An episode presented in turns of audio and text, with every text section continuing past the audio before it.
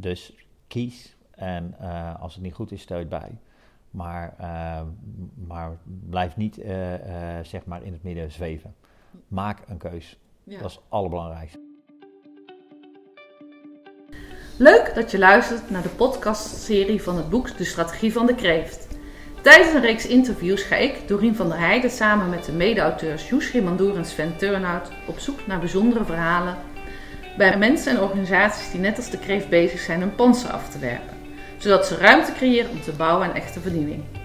Vandaag ben ik op bezoek bij Marcel Pothoff, een ondernemer die altijd bezig is met innoveren, nieuwe kansen creëren en vooral ook daar waarde uit te realiseren.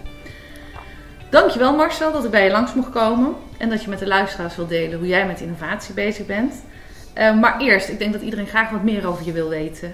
Uh, wie ben je en wat nou, doe je eigenlijk allemaal? Ja, nou, leuk. Dankjewel voor uh, de uitnodiging. Ja, mijn naam is Marcel Podolf. Ik ben eigenlijk nu 52 en uh, mijn hele leven uh, zit ik eigenlijk al uh, werkzaam als zowel ondernemer als consultant, maar ook als eigenaar van eigen bedrijven. En in, op dat vlak ben ik eigenlijk altijd bezig geweest met ja, hoe kan nou iets beter? En innoveren is in mijn beleving een mooi woord voor dingen anders doen en veranderen. Want kijken naar wat de mogelijkheden zijn van dat hele vlak. Ik ben zelf eh, begonnen in de IT. Toen ik twintig was, uh, daar heb ik bij het ministerie van Defensie mooie het vak kunnen leren, zoals dat dan heet. En na een aantal jaren de consultancy ingegaan om bij uh, PricewaterhouseCoopers en Coopers en Leijbrand eigenlijk veel van de wereld te zien. maar ook bij veel grote multinationals gekeken naar hoe hun processen verbeterd moesten worden in combinatie met IT-systemen en een veranderende organisatie. in de wereld die toen de tijd aan het veranderen was. op dat vlak was het heel veel globalisering. dus hoe maak je nou eigenlijk hoe noemen ze dat een heel mooi woord, uh, common processes uh, en common systems uh, bij die grote bedrijven. En na die tijd heb ik eigenlijk de stap gemaakt om voor mezelf te beginnen, samen met twee collega's. En zijn we met Goldfish als bedrijf heel erg gericht gegaan op hoe kunnen we nou binnen de Nederlandse markt bedrijven helpen om die verandering te bewerkstelligen.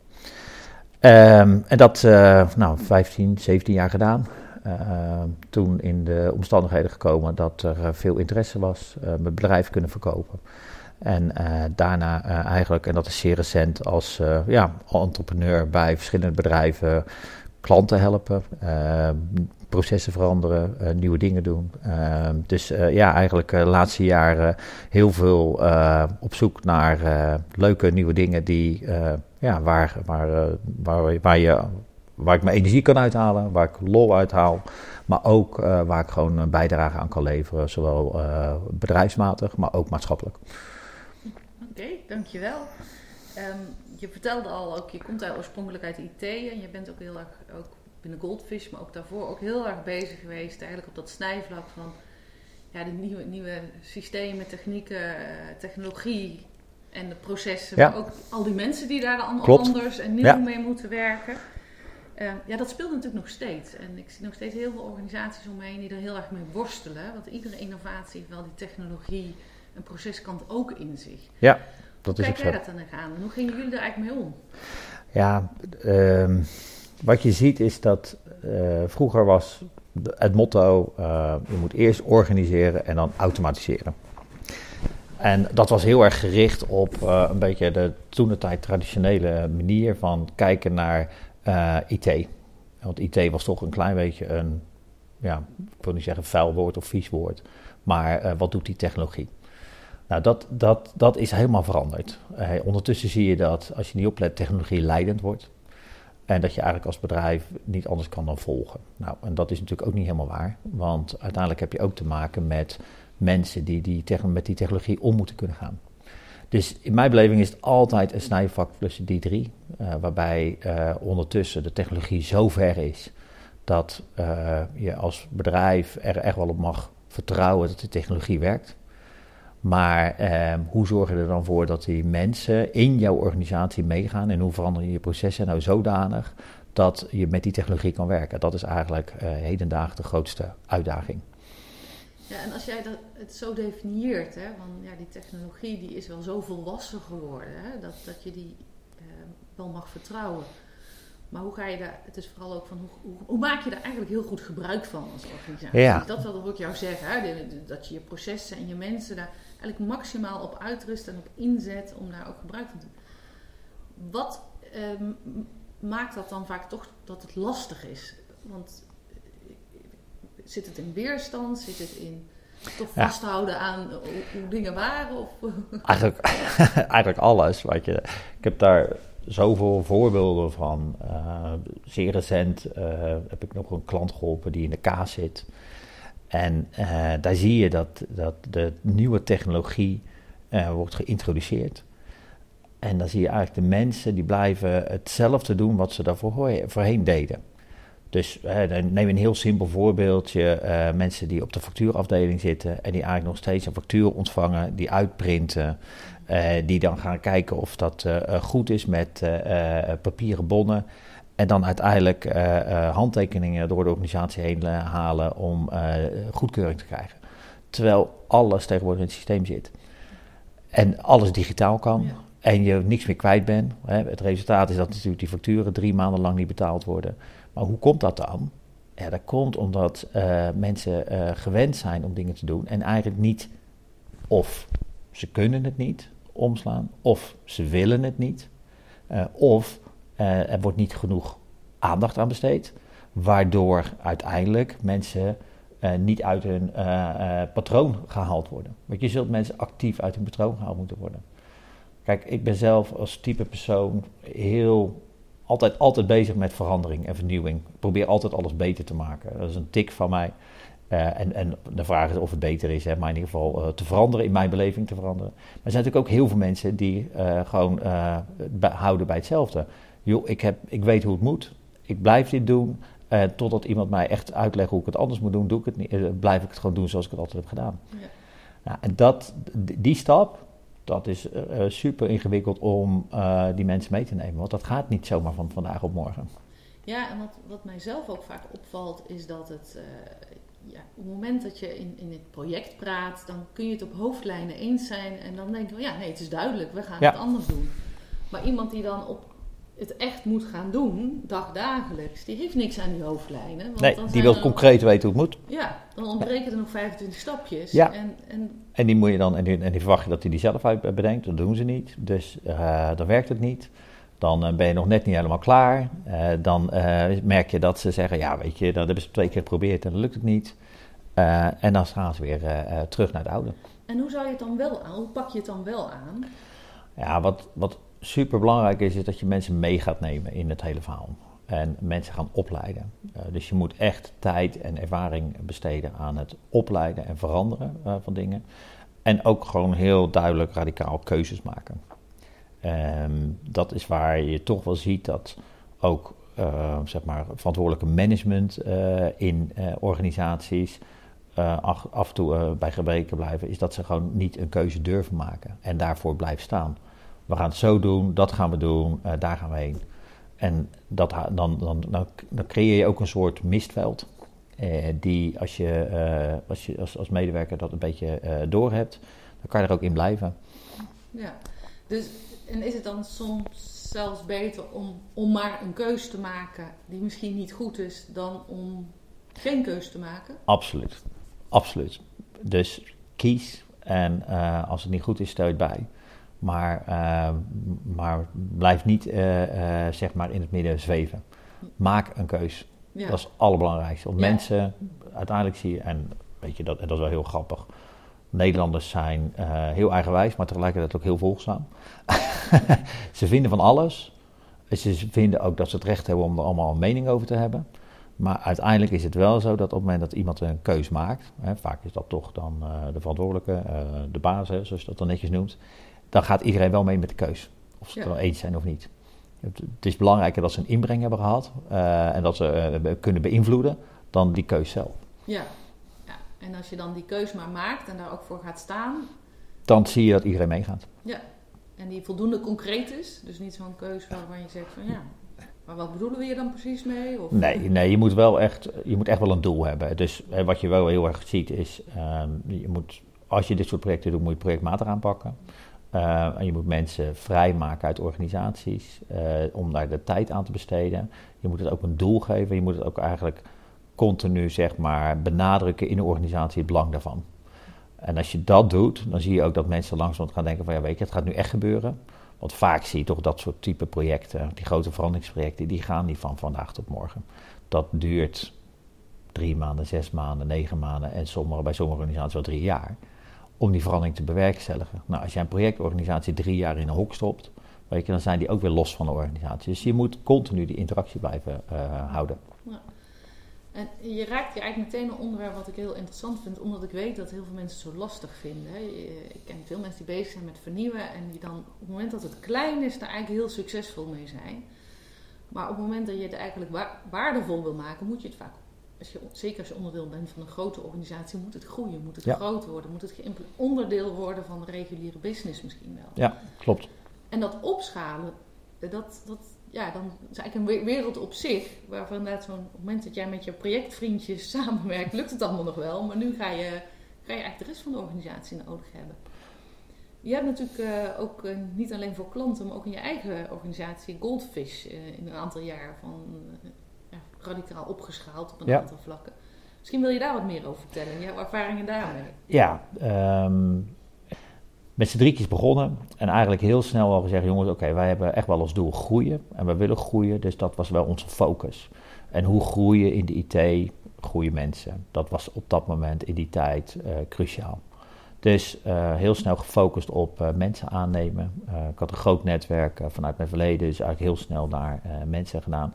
En dan zie je dus gewoon dat je, um, dan, dan, dan begint die groei vanzelf te komen. Nou, tegelijkertijd uh, veel naar uh, klanten toe gegaan. En zo ikzelf als uh, collega van mij, hadden heel veel kennis en ervaring in de voedings- en de farmaceutische industrie. Dus we kwamen eigenlijk al heel snel op die twee industrieën. Dus na anderhalf jaar waren wij niet meer met z'n drieën, maar we waren met z'n tienen. dus we hadden eigenlijk die groei al bewerkstelligd. We hadden eigenlijk keer drieën al gegroeid ten, ten opzichte van toen we begonnen. Um, hebben we eigenlijk, uh, zijn we teruggegaan een keer naar de tekentafel en gezegd: oké, wat is nou eigenlijk onze strategie? Hoe willen we onszelf profileren? Zijn wij nou gewoon een leuke club met IT'ers die iedereen kan bellen en uh, we doen opdrachten? Of uh, gaan wij ons eigenlijk veel meer focussen? Gaan wij zo diep bepaalde richtingen op waarin we ons kunnen onderscheiden? Zodat klanten eigenlijk, als zij een probleem hebben op dat vlakgebied, ons gaan bellen omdat wij gewoon de beste zijn. Nou, we hebben eigenlijk voor die laatste strategie gekozen. we hebben eigenlijk een strategie gekozen uit uh, drie onderdelen. Uh, industrie. Dus wij willen ons profileren in de voedings- en farmaceutische industrie, omdat we daar echt heel veel uh, vanaf weten. wij willen ons profileren op het gebied van technologie. dus wij zijn echt gewoon de beste SAP-partner op dat vlak. En hoge kwaliteit mensen. Dus wij leveren echt gewoon goede mensen die dat ook kunnen. Uh, en daar hebben we eigenlijk toen de stap in, gemaakt. En um, doordat wij uh, die keuze hebben gemaakt, hebben we eigenlijk in dat jaar, om dat te realiseren, eigenlijk ook wel een aantal andere keuzes gemaakt om dingen niet meer te doen.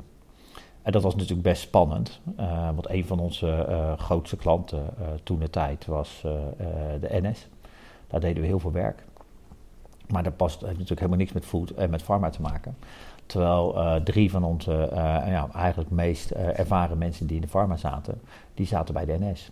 En je merkte ook gewoon dat de pharmahoek eigenlijk niet naar voren kwam, dat dat niet hard genoeg groeide, omdat ze eigenlijk vast zaten bij zo'n klant. Dus toen zijn we eigenlijk overleg met die klant begonnen om te zeggen, jongens, we gaan daarmee stoppen. We gaan dat niet doen. en we gaan ons richten op hoe heet het, de farmaceutische industrie. En we hebben eigenlijk gewoon die klant afgebouwd in een half jaar tijd. En uh, opdrachten netjes afgemaakt, maar we hebben niet meer verlengd. En onze mensen zijn toen naar de farmaceutische industrie gegaan. Nou, en daar, zie je, uh, daar zag je eigenlijk gelijk het resultaat. Want toen kwam eigenlijk gewoon tijd om die markt verder te ontwikkelen, de kennis verder te doen, uh, nog specifiekere zeg maar, consultancy te kunnen verrichten op die farmaceutische in de markt. Waarin je onder andere, je ziet als je naar die markten gaat kijken, zie je naar deelmarkten, zie je validatie in één keer komen. Weet je, zie je FDA-regulering, dat is heel gereguleerde industrie.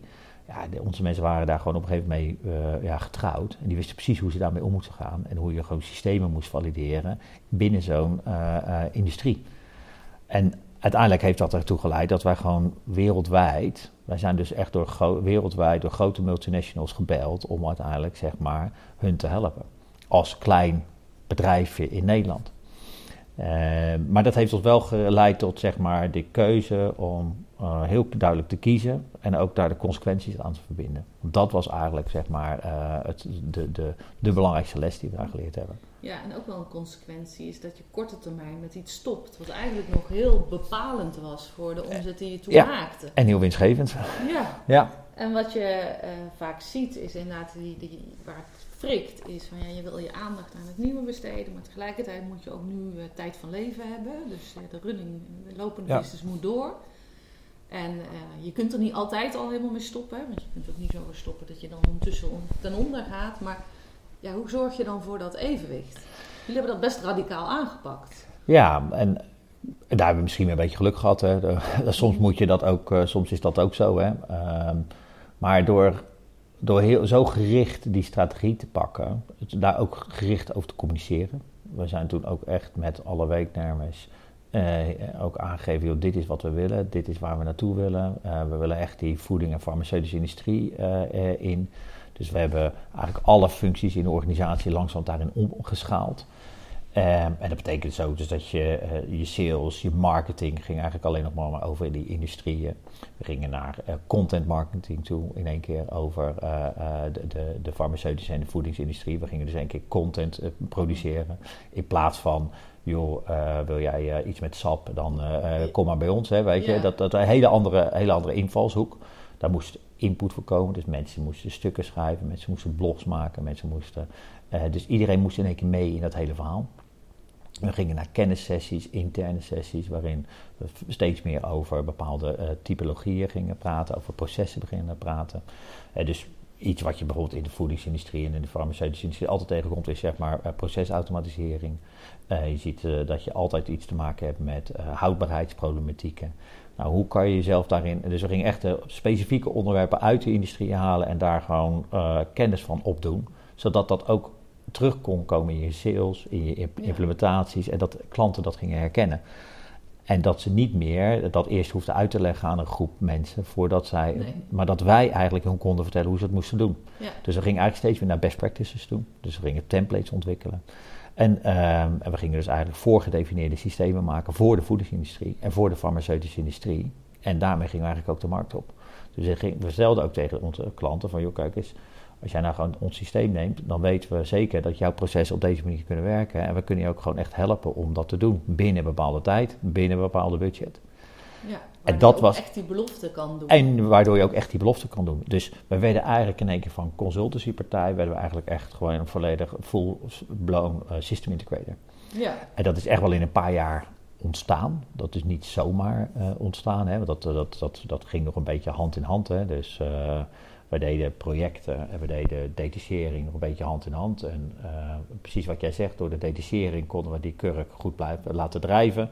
En we bouwden die detachering steeds verder af. Ja. Totdat we eigenlijk alleen maar projecten deden. Ja. Nou, en ik denk dat wij na een jaar of zes hadden wij echt de focus op alleen nog maar projecten. Dus we, we waren echt gewoon regiepartner in onze industrie. Ja. Maar je hebt er ook wel de tijd voor genomen. Door de ene kant uh, ja, je kurk wel even overeind Ja. te houden, maar ook de tijd te nemen om echt ook die belofte waar te kunnen maken. Door daar absoluut. steeds in te blijven investeren. Ja. En, uh, en, uh, En ook van geleerd, hè, want we hebben ook fouten gemaakt. Hè, dus dat is ook heel simpel. Ehm, wij hadden, uh, laat ik zo zeggen, focus was voor ons echt wel het motto. En wij focussen ons eerst op de industrie. Dus wij zeiden echt, we moeten echt naar industriekennis toe gaan. En daar binnenin willen we eigenlijk voor de klant de beste oplossing maken. Dus, in, dus wij hebben ook een, een tijdje uh, dat getracht met meerdere systemen te doen. Dus we, we konden uh, SAP implementeren, maar we konden ook GD Edwards implementeren. Uh, we keken naar Axapta, naar Microsoft als pakket om te kunnen implementeren. En eigenlijk, en nou, je zag dat we een paar jaar, of twee jaar denk ik, met GD Edwards bezig zijn geweest om die praktijk verder op te bouwen met kennis en kunde. En eigenlijk na een paar jaar merkten we gewoon dat dat gewoon niet succesvol werd. En ondanks de investeringen die we erin hadden gedaan. En toen zijn we er ook gewoon mee gestopt. Ja. Ook dat weer natuurlijk weer netjes, hè, want het gaat dan uiteindelijk ook om mensen. Hè, want je hebt ook echt mensen met GD AdWords kennis aangenomen. Ja, en die hebben we omgeschoold naar SAP-kennis. Ehm, of mensen hebben afscheid genomen en zijn naar uh, andere GD AdWords partners uh, ondergebracht. Ehm, maar uh, weet je, dat is een dure, dure les. Ehm, maar uiteindelijk wel de goede keus geweest. want die focus heeft ons eigenlijk het succes gebracht waar we uiteindelijk, uiteindelijk uitgekomen zijn. Ja, en ook hier weer dus ook wel echt durven kiezen. ja. Van, ja, we dachten, eerste aanname, nee, wij, als wij in de food de partner willen zijn, de food farmer, moeten we alle systemen kunnen ja. leveren. Nou, toen eigenlijk geconstateerd, nee, we kunnen beter in een smaller stuk dan de allerbeste zijn. Dan in, eh, ja. dan in het hele brede stuk, betekent, alles van alles een beetje. Ja, ja, en dan ook weer durven afscheid nemen. Ja. En, uh, nou, ik denk dat dat een mooie les is voor veel mensen die bezig zijn met innovatie. Want dat is altijd heel erg lastig. Super lastig om te doen. Maar ondertussen uh, gestopt met Goldfish. Ja, klopt. En een nieuw leven begonnen. Een nieuw leven begonnen, ja. Ja, ja. ja dus um, na Goldfish, um, toen ben ik eigenlijk uh, redelijk snel bij verschillende kleine organisaties aan de gang gegaan. Deels ben ik gaan ondernemen met mijn dochters. helemaal leuk. Een aantal bedrijven opgezet en daar bezig geweest. en ik ben um, heel actief geweest bij de Floating Farm. Heel, ja, een heel nieuw concept. Nee, vast niet.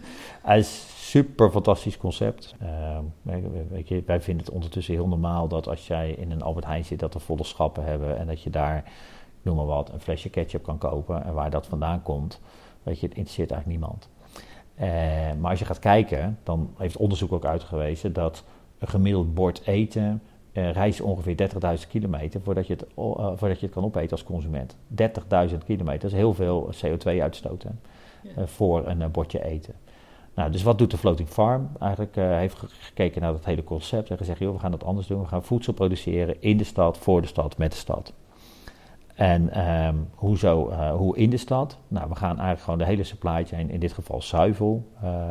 we gaan een koeienfarm neerzetten, dus een boerderij met koeien. We maken melk en die melk die verwaarden we terug naar zowel mest als naar zuivel. En beide maken we daar eindproducten van. en nou, hoe zorgen we dat die koeien te eten krijgen? Nou, we gaan ook reststromen op uit, uit de stad ophalen. We gaan dus eten wat weggegooid wordt in de stad gaan we ophalen, geven de koeien te eten. En die, en die maken daar weer die uh, mooie producten van. En die verkopen we weer terug aan de stad. Ja. Dat doen we zowel met de mest als met de melk. Nou, melk is denk ik voor iedereen een beetje een bekend fenomeen. Hè? Dus uh, daar maken we gewoon, en, en, dat is de interessante, pure melk van. Hè? Dus we doen niks, geen toevoegingen erin. Dus gewoon, weet je, we leren mensen eigenlijk in de stad weer een beetje wat gewoon echte melk is. Ja, Terug naar vroeger. Hoe smaakt eigenlijk ja. echte melk? Ja, en, en, zo zie je dat je in de supply chain weer heel snel teruggegaan bent naar concepten als de rijdende melkboer. Weet je, op zaterdag rijden we gewoon met een busje door de stad heen en dan uh, gaan we gewoon melk verkopen. Uh, allemaal niks nieuws, maar dat is in huidige tijd wordt dat innovatie genoemd, maar het is eigenlijk helemaal niks nieuws. Hè? Want het is gewoon gebruik maken van wat er allemaal al bestond, alleen dat we een keer toepassen. Ja. Um, maar de mest, uh, daar zijn we echt, echt, anders naar gaan kijken. Uh, een van de grootste problemen die je nu hoort hè, in de Nederlandse uh, industrie is natuurlijk stikstofuitstoot. Ja, hoe kan je nou dat eigenlijk beperken of zeker reduceren? Nou, daar geloof ik gelijk een beetje in wat mijn moeder altijd zei: voorkomen is beter als genezen. Dus hoe zorg je nou dat er geen stikstof uitgestoten wordt door die koeien? Nou, en dat is eigenlijk uh, gekeken naar het proces. En dan kom je op vernieuwing, kom je op innovatie en dan, uh, en dan toepassen met technologie. En als je ziet wanneer ontstaat stikstof en ammoniak, uh, dan de, die heel die methaanvorming, dan zie je eigenlijk dat dat ontstaat op het moment dat ja, heel plastisch gezegd de poep en de plas bij elkaar komt, drie uur lang en lekker met elkaar zitten rommelen, beginnen de chemische processen te ontstaan. En dan krijg je in één stikstofvorming als je dat nou kan, voorkomen die, en dan binnen die drie uur die mest opgeruimd kan hebben en dat je de urine en de, uh, zeg maar, de poep gescheiden van elkaar hebt, het vaste deel en het, zeg maar het, het liquide deel, en dat scheidt van elkaar en dat je eigenlijk beide stromen weer terugverwerkt naar hun basisgrondstoffen, dus urine naar water, en mest naar mestkorrels, biologische mestkorrels.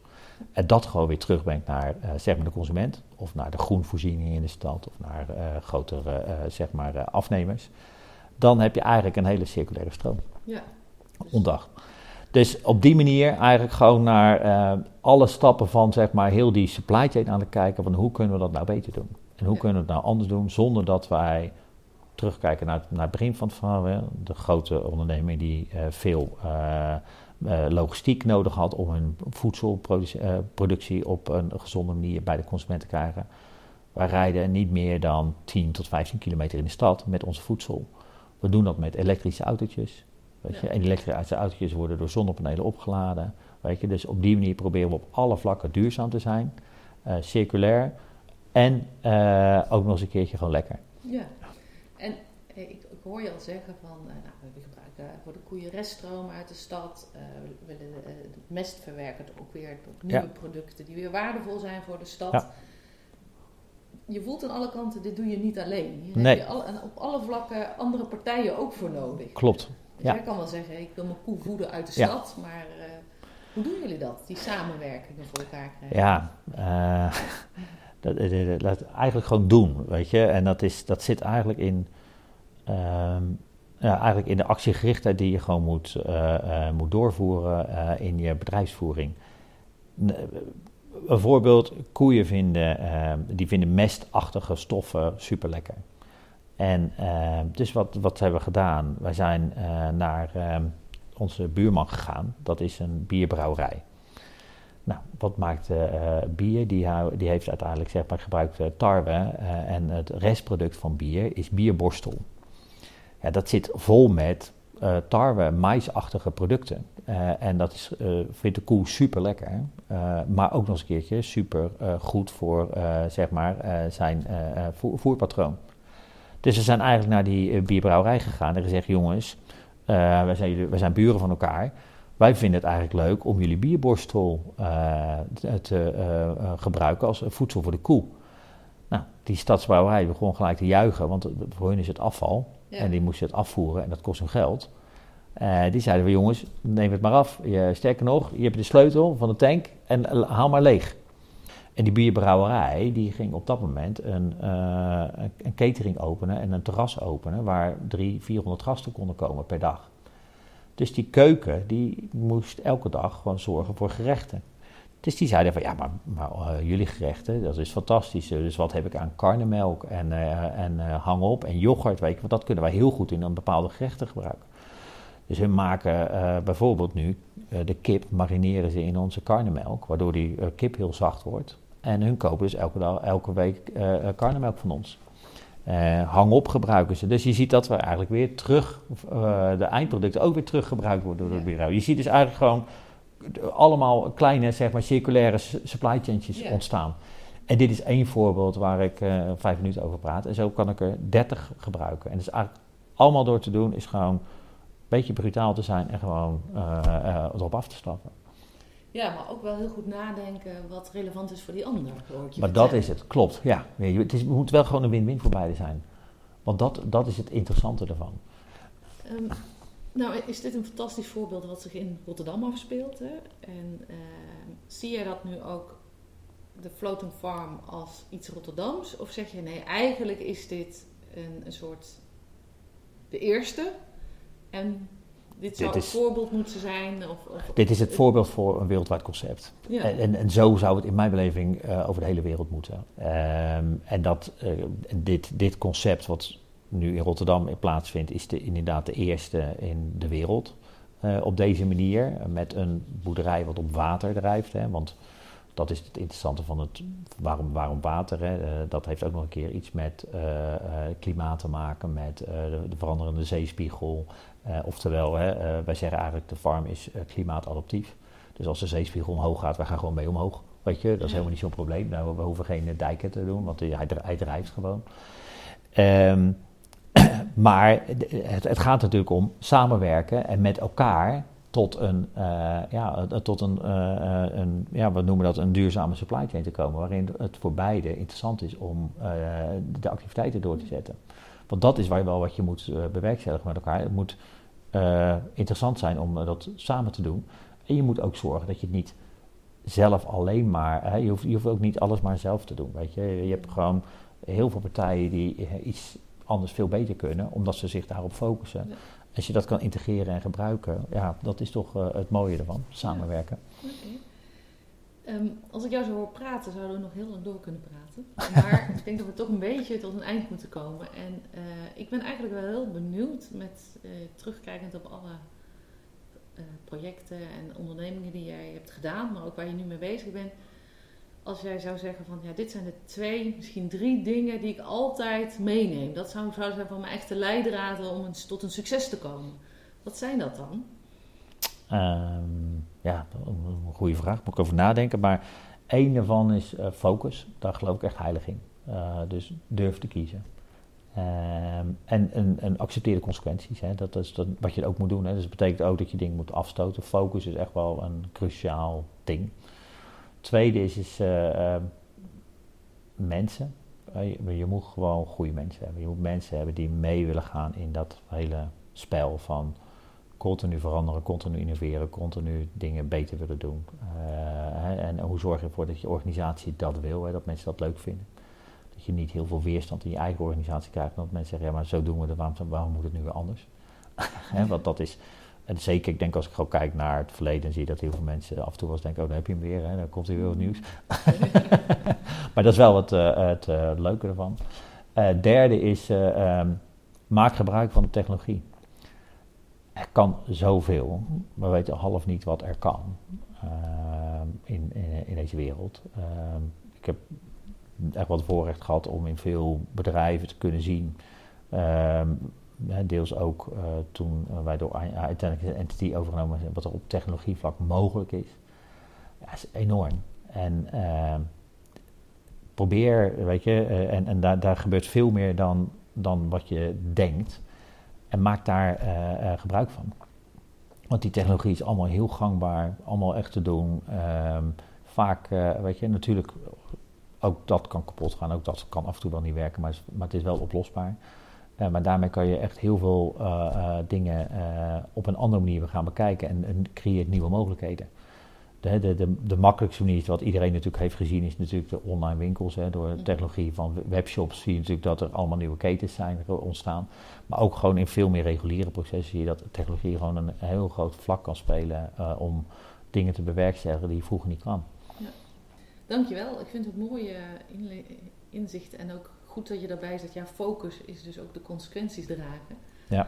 Ja, wij hebben toen, met, toen we met het boek bezig waren, hadden het ook heel erg van, ja, kiezen is ook eigenlijk een soort boter bij de vis. Want die keuze, dat, dat, hè, dat, vinden mensen vaak heel leuk. Hè? In zo'n sessie, dan gaan we kiezen en dan hebben we die strategie. Maar ja, de volgende dag moet je daar dan ook wel inderdaad... Naar handelen, ja. naar handelen. Ja. En ook wel die dingen doen die je misschien wat lastig vindt. Of met dingen stoppen, of Ja. geld vrijmaken, of je beste mensen erop zetten. Die, die Ja. ook al op tien andere dingen eigenlijk Inderdaad, beter kon ja. gebruiken, dacht je eerst. Je moet, Dus, eh, je moet een beetje puristisch zijn. Hè? Ja. ja, Op dat moment, ja. ja. Nou, dankjewel ehm voor dit mooie gesprek. Volgens mij heel inspirerend. En hiermee komen we alweer aan het einde van deze podcast. Jullie thuis bedankt voor het luisteren. En houd in de gaten, er komen steeds nieuwe afleveringen. En ik zou het leuk vinden als je nog een reactie hebt, je weet me te vinden.